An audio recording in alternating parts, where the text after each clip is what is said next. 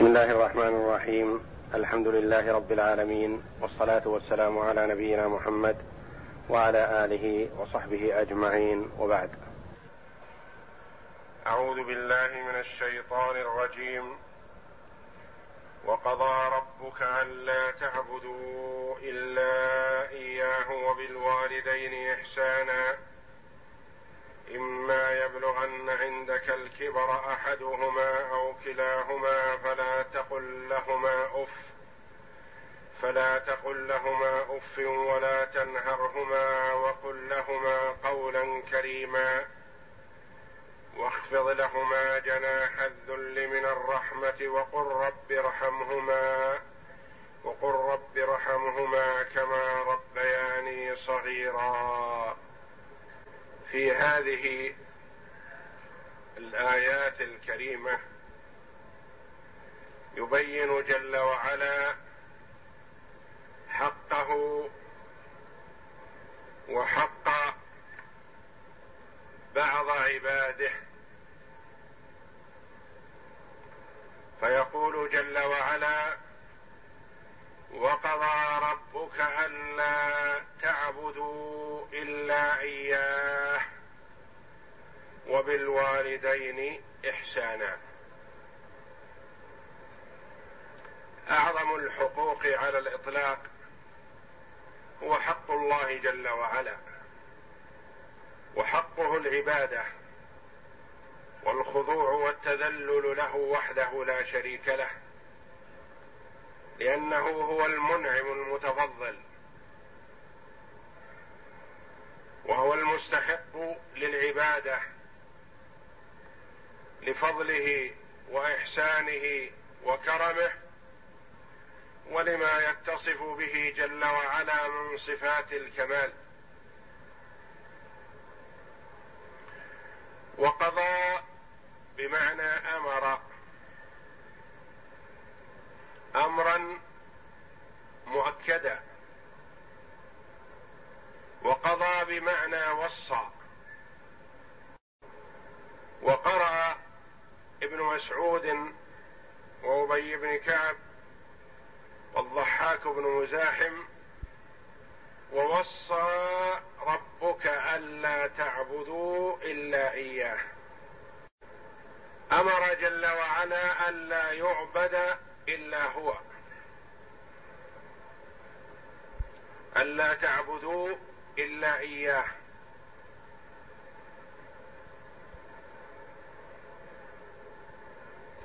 نفي العبادة عما سواه. وإثباتها له وحده. على حد كلمة الإخلاص لا إله إلا الله.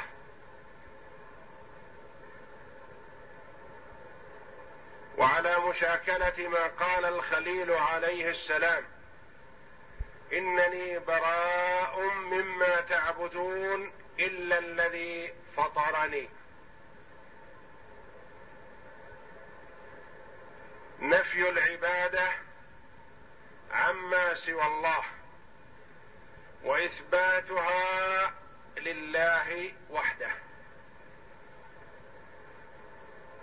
ولهذا كانت كلمة الإخلاص أفضل الكلام وأفضل الدعاء. لا إله إلا الله. نفت العبادة عما سوى الله وأثبتتها لله وحده لا شريك له.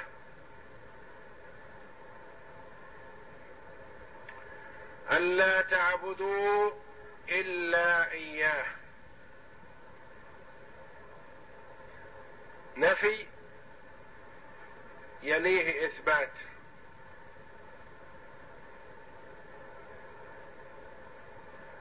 وبالوالدين إحسانا.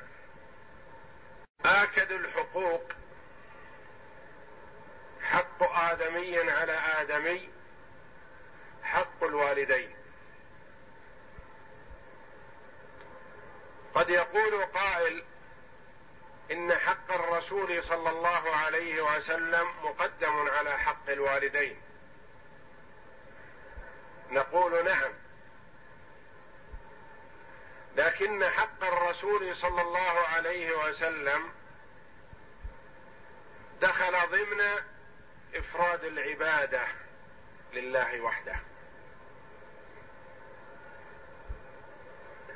لأن عبادة الله بمتابعته صلى الله عليه وسلم.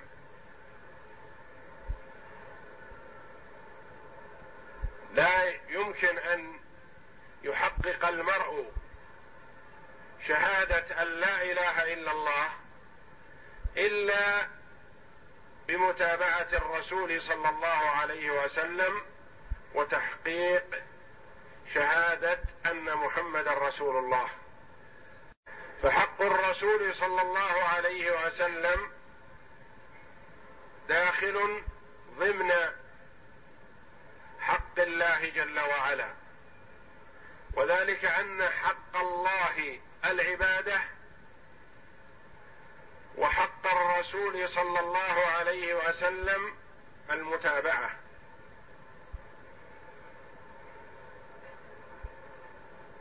يقول الله جل وعلا قل إن كنتم تحبون الله فاتبعوني يحببكم الله. قل يا محمد للناس إن كنتم تحبون الله فاتبعوني. فبعد بعد بعثة الرسول صلى الله عليه وسلم أغلق الله جل وعلا كل طريق موصل إليه إلا من طريق الرسول صلى الله عليه وسلم. قل إن كنتم تحبون الله فاتبعوني يحببكم الله.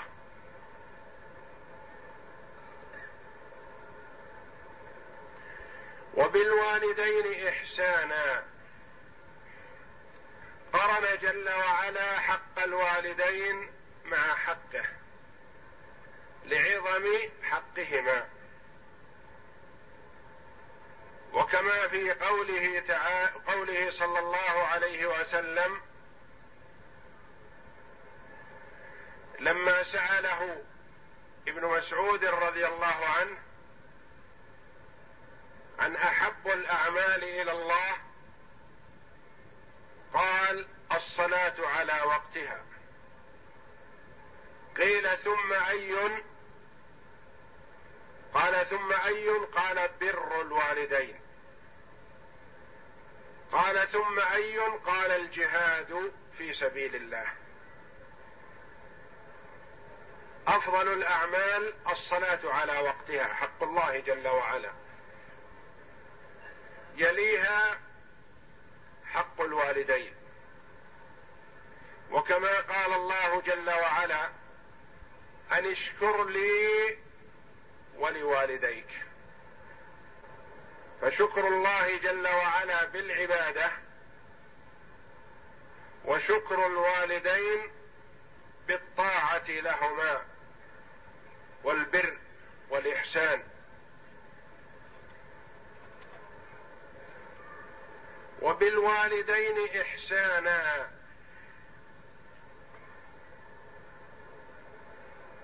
بالوالدين متعلق بفعل محذوف دل عليه المصدر المتأخر. وأحسنوا إلى الوالدين إحسانا. فحق الوالدين بعد حق الله جل وعلا. لأنهما السبب في وجود المرء. الموجد له هو الله وهما السبب في وجوده.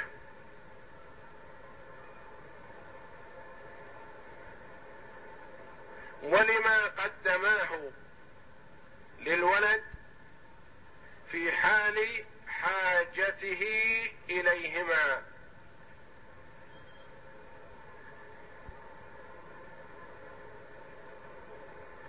وبالوالدين إحسانا. مطلقا. كبيرين أو شابين. كهلين. حقهما ثابت. وبالوالدين إحسانا. أحسنوا إليهما. والإحسان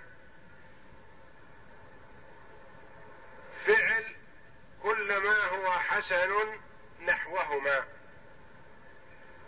واجتناب ما هو سيء وقبيح في حقهما.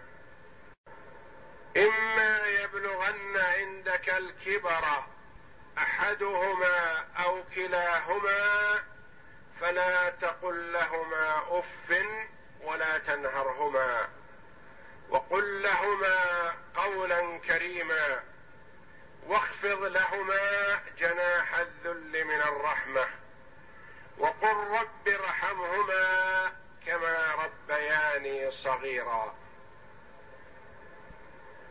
إما يبلغن عندك الكبر يتأكد الحق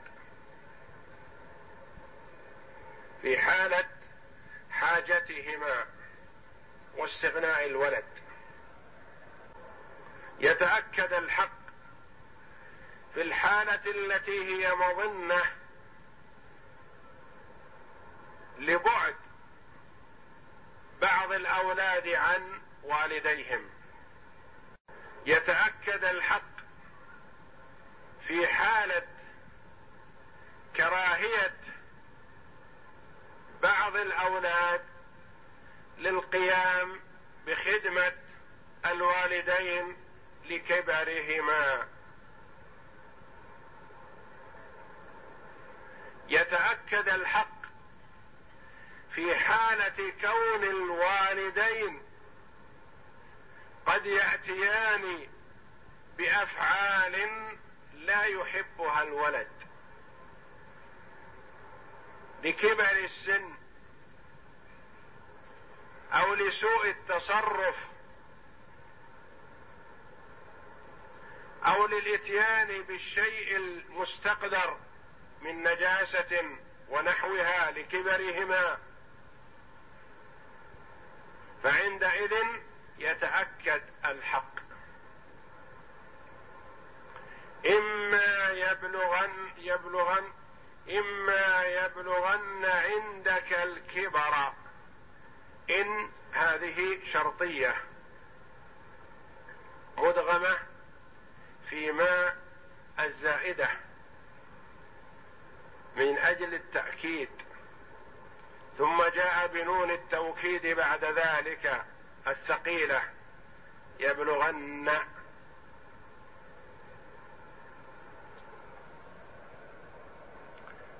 عندك الكبر عندك حالة كونهما عندك وفي حاجة إليك وأنت القائم عليهما.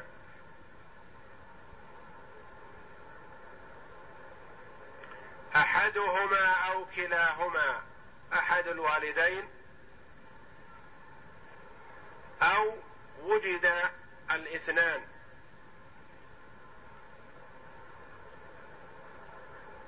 ما هي الحقوق؟ خمسة. فلا تقل لهما أف. ولا تنهرهما. وقل لهما قولا كريما.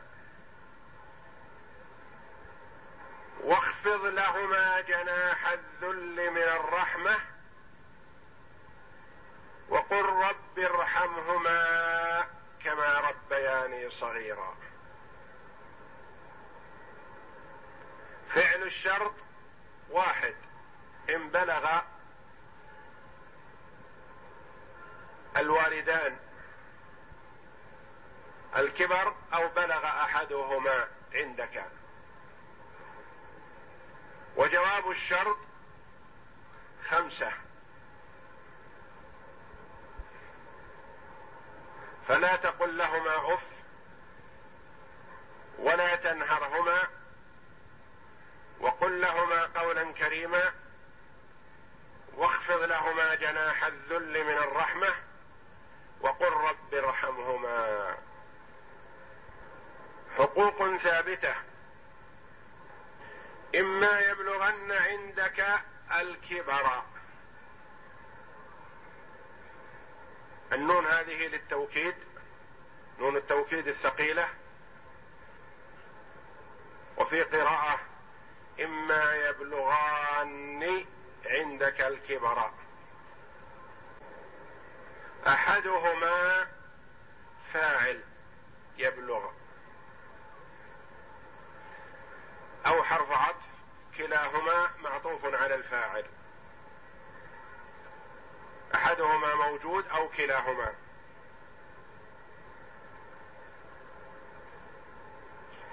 فلا تقل لهما أف. يقول الحسن الحسين بن علي رضي الله عنه لو كان هناك شيء أقل من الأف لنهى الله جل وعلا عنه.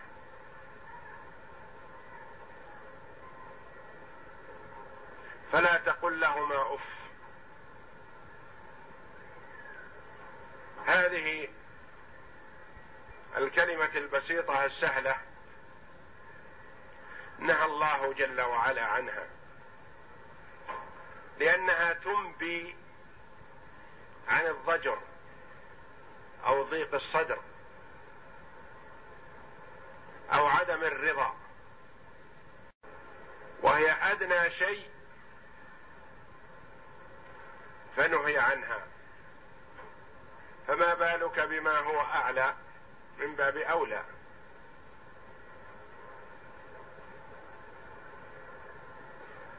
فلا تقل لهما أف. وأصل هذه الكلمة حينما يصيب ثوب الإنسان تراب أو رماد ويريد إزالته ينفخ بفيه قائلا اف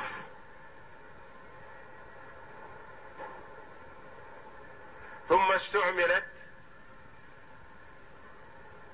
فيما دل على الأذى. فنهى الله جل وعلا أن يقولها الابن لوالديه أو لأحدهما. ذلك أن الوالد أو الوالدة قد يأمران ولدهما بشيء.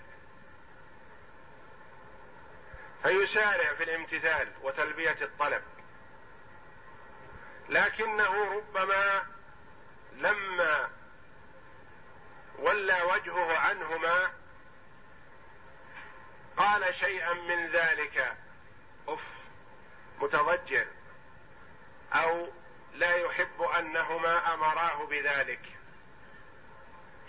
فنهى الله جل وعلا عن ذا. فإذا كان منهي عن هذا الشيء البسيط الذي ربما لا يشعران به. ولا يعلمان عنه. فما كان يدركانه ويشعران به من الضيق ضيق الولد فهو أولى بالمنع. فلا تقل لهما أف ولا تنهرهما. والنهر الزجر. لا تزجرهما بالنداء ولا تزجرهما في النهي عن شيء من الأمور.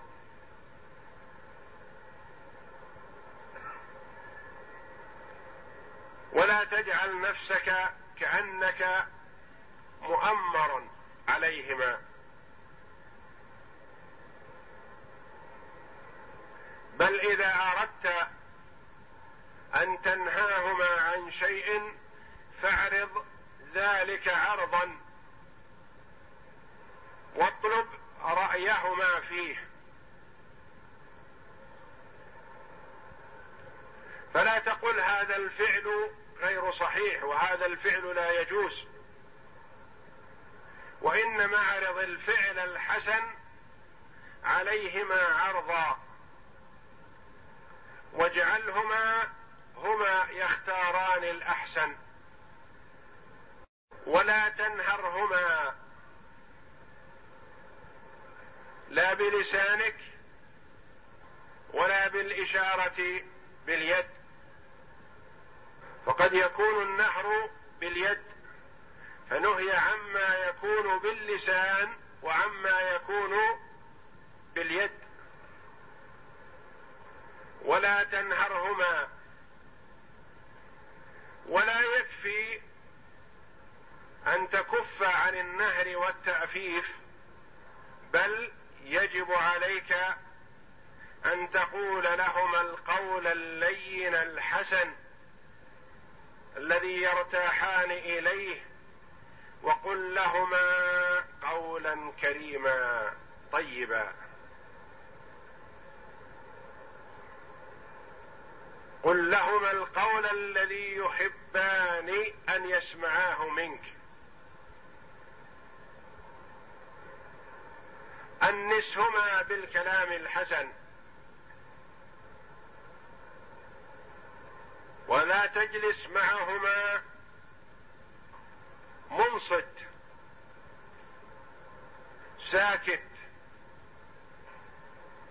لا تقل شيئا لكن كأنك في حالة غضب أو اهتمام أو حزن أو تضايق.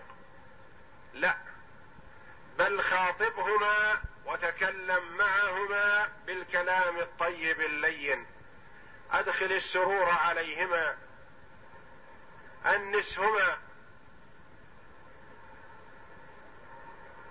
وقل لهما قولا كريما.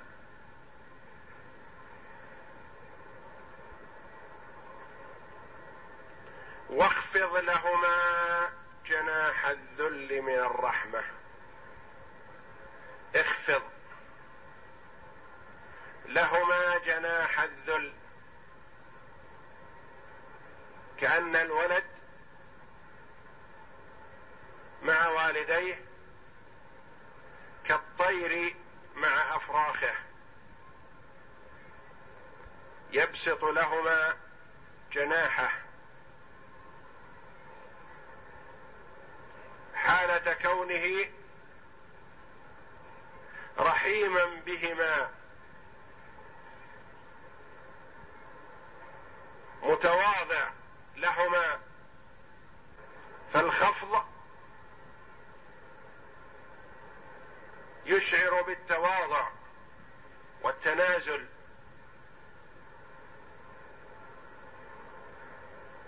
والجناح وجناح الذل يشعر بالرحمة والحنان والعطف من الولد على والديه. واخفض لهما جناح الذل من الرحمة.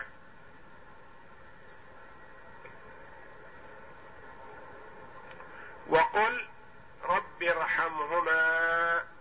كما ربياني صغيرا.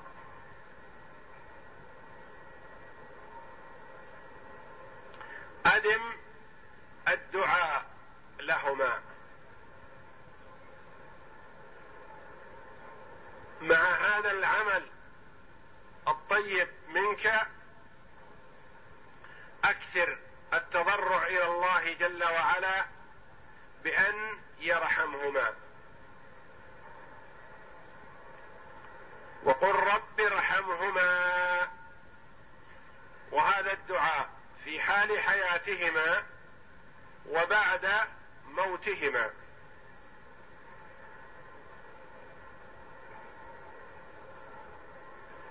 إلا أنه بعد موتهما إن ماتا كافرين فتتوقف عن الدعاء. واما المطلوب الأول لهما حالة إسلامهما أو كفرهما. حتى وإن كانا كافرين.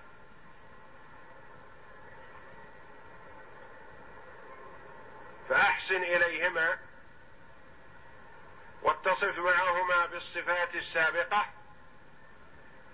فإن ماتا كافرين فتتوقف عن الدعاء لهما. لقوله جل وعلا ما كان للنبي والذين آمنوا أن يستغفروا للمشركين ولو كانوا أولي قربى من بعد ما تبين لهم أنهم أصحاب الجحيم. وأما في حال حياتهما فالإحسان لهما وإن كانا كافرين. لقوله جل وعلا وإن جاهداك على أن تشرك بي ما ليس لك به علم فلا تطعهما وصاحبهما في الدنيا معروفا. ولقول عائشة رضي الله عنها قدمت علي أمي وهي مشركة. فسألت النبي صلى الله عليه وسلم قلت يا رسول الله قدمت علي أمي وهي راغبة أفأصلها؟ وقال عليه الصلاه الصلاة والسلام نعم صلي أمك. عائشة تقول إن أمها قدمت عليها في المدينة في حال الهدنه وهي قدمت عليها في المدينة فسألت النبي صلى الله عليه وسلم هل تصلها؟ فقال نعم صلي أمك. وهي كافرة الأم. صلي أمك. وقل رب ارحمهما كما ربياني صغيرا. هذا الدعاء يستمر حال الحياة وبعد الممات. جاء رجل إلى النبي صلى الله عليه وسلم فقال يا رسول الله هل بقي من بر أبوي شيء بعد موتهما؟ قد مات ويريد أن يتبع بره حال الحياة بالبر بعد الممات. يجعل البر بعد الممات تابعا للبر حال الحياة. فقال النبي صلى الله عليه وسلم نعم بقي. الصلاة عليهما. والاستغفار لهما. وإنفاذ عهدهما. وصلة الرحم التي لا توصل إلا بهما وبر الدعاء لهما. لأن الله جل وعلا يقول للنبي صلى الله عليه وسلم وصل عليهم. لمن جاء بالزكاة قال صل عليهم يعني ادعو لهم. والاستغفار لهما. كثرة طلب المغفرة لهما. كلما دعا لنفسه يدعو لوالديه.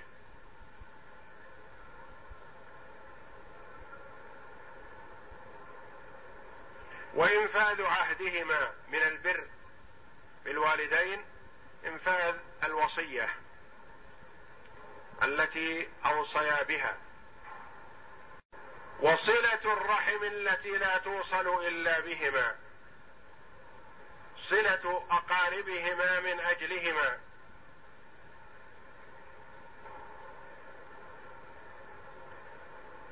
وبر صديقهما.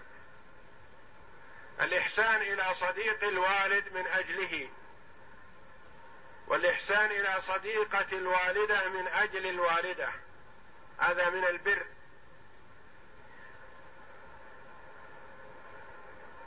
وكان النبي صلى الله عليه وسلم من وفائه كان كما قالت عائشة رضي الله عنها ربما أمر بذبح الشاة فأمر بتوزيعها على صديقات خديجة رضي الله عنها. بعد وفاتها يصل صديقاتها عليه الصلاة والسلام. وعبد الله بن عمر رضي الله عنه وجد اعرابيا في الطريق. فنزل ابن عمر عن حماره وأركب الأعرابي. وخلع العمامة من على رأسه وألبسها الأعرابي.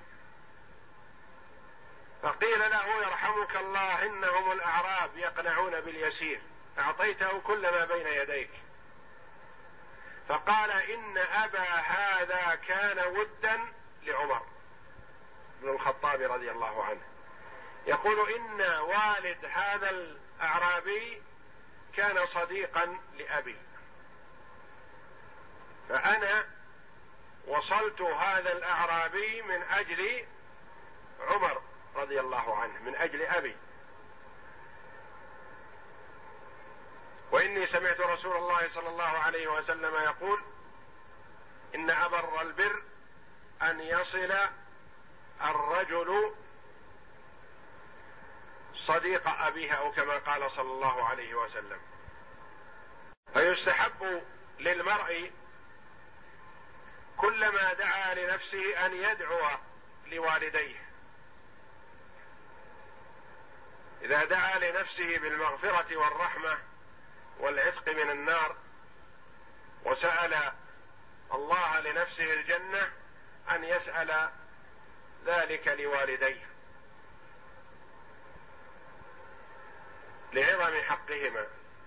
وحينما صعد النبي صلى الله عليه وسلم المنبر قال آمين آمين آمين. ثلاث مرات. قيل يا رسول الله على ما أمنت؟ قال أتاني جبريل فقال يا محمد رغم أنف رجل ذكرت عنده فلم يصل عليك. قل آمين. فقلت آمين. ثم قال رغم أنف امرئ رغم أنف رجل دخل عليه شهر رمضان ثم خرج فلم يغفر له قل آمين فقلت آمين. ثم قال رغم أنف رجل أدرك والديه أو أحدهما فلم يدخلاه الجنة قل آمين فقلت آمين. فإذا أدرك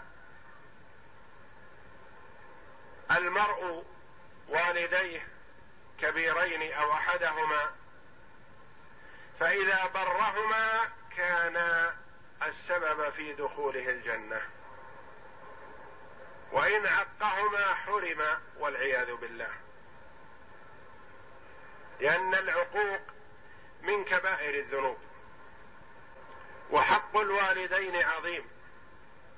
ويتأكد في حال كبرهما وضعفهما وحاجتهما للخدمة.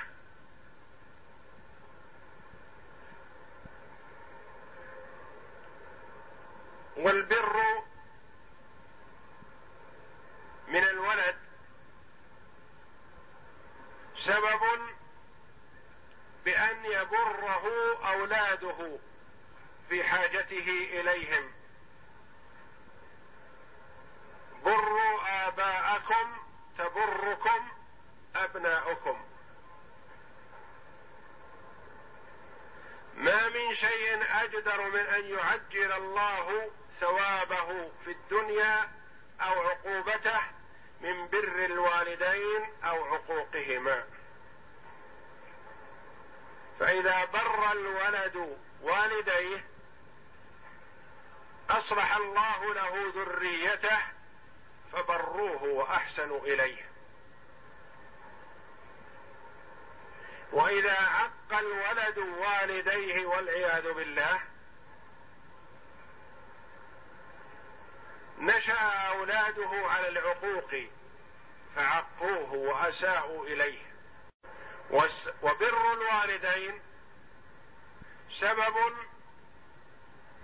لطول العمر والمباركة فيه. أن يكون عمر المرء مبروكا مباركا وسبب لسعة الرزق. من أحب أن يبسط له في رزقه وينسأ له في أجله فليصل رحمه. وآكد الرحم الوالدين ثم من يليهم في القرابة كما سيأتي إن شاء الله. يقول الله جل وعلا ربكم أعلم بما في نفوسكم إن تكونوا صالحين فإنه كان للأوابين غفورا.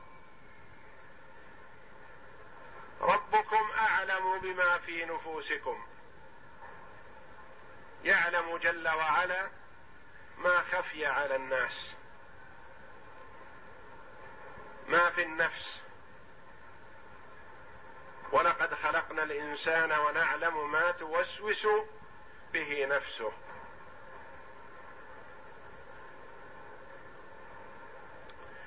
إن تكونوا صالحين مستقيمين على طاعة الله مؤدين لما افترض الله عليكم منتهين عما نهاكم الله عنه ثم قد يحصل من المرء زلة أو خطيئة فيرجع إلى الله جل وعلا ويتوب إليه فهو جل وعلا تواب رحيم يتوب على من تاب. هل هذه الآية في حق الوالدين فقط؟ من صدر منه شيء غير مرض ثم ندم وتاب وأناب تاب الله عليه؟ أم هي عامة؟ قولان للمفسرين رحمهم الله. والأولى والله أعلم الثاني بأنها عامة ويدخل ما يصدر في حق الوالدين من خطأ أحيانا ضمنا تبعا. فإذا صدر من المرء ما لا يناسب إن معصية في حق الله جل وعلا أو في حق الوالدين أو في حق غيرهما ثم تاب وأناب فالله جل وعلا يتوب عليه. فهو أعلم بحال عبده إذا تاب إليه إن كان صادقا قبل توبته وإن كان غير ذلك فغير ذلك فلا يقبله. ربكم أعلم بما في نفوسكم من الخير والصلاح أو الشقاء. إن تكونوا صالحين مطيعين لله جل وعلا ممتثلين لأمره فإنه كان أي الله جل وعلا للأوابين الأواب الرجاء الذي يصدر منه الشيء غير المناسب ثم يرجع ويتوب إلى الله جل وعلا. فإنه كان للأوابين غفورا. يغفر الزلات جل وعلا.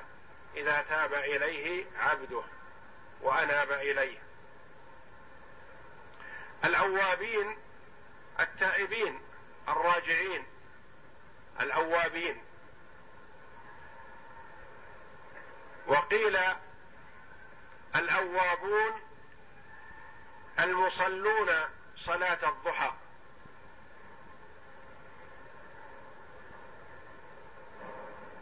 وقد زار النبي صلى الله عليه وسلم أهل قبى فوجدهم يصلون صلاة الضحى فقال صلاة الأوابين حين ترمض الفصال.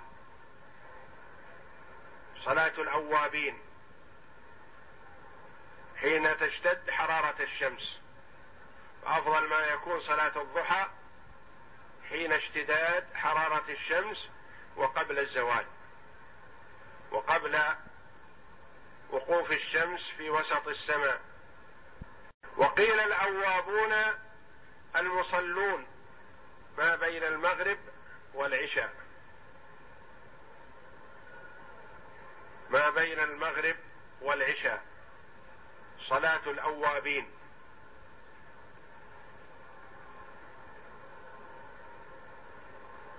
وفي هذه الآية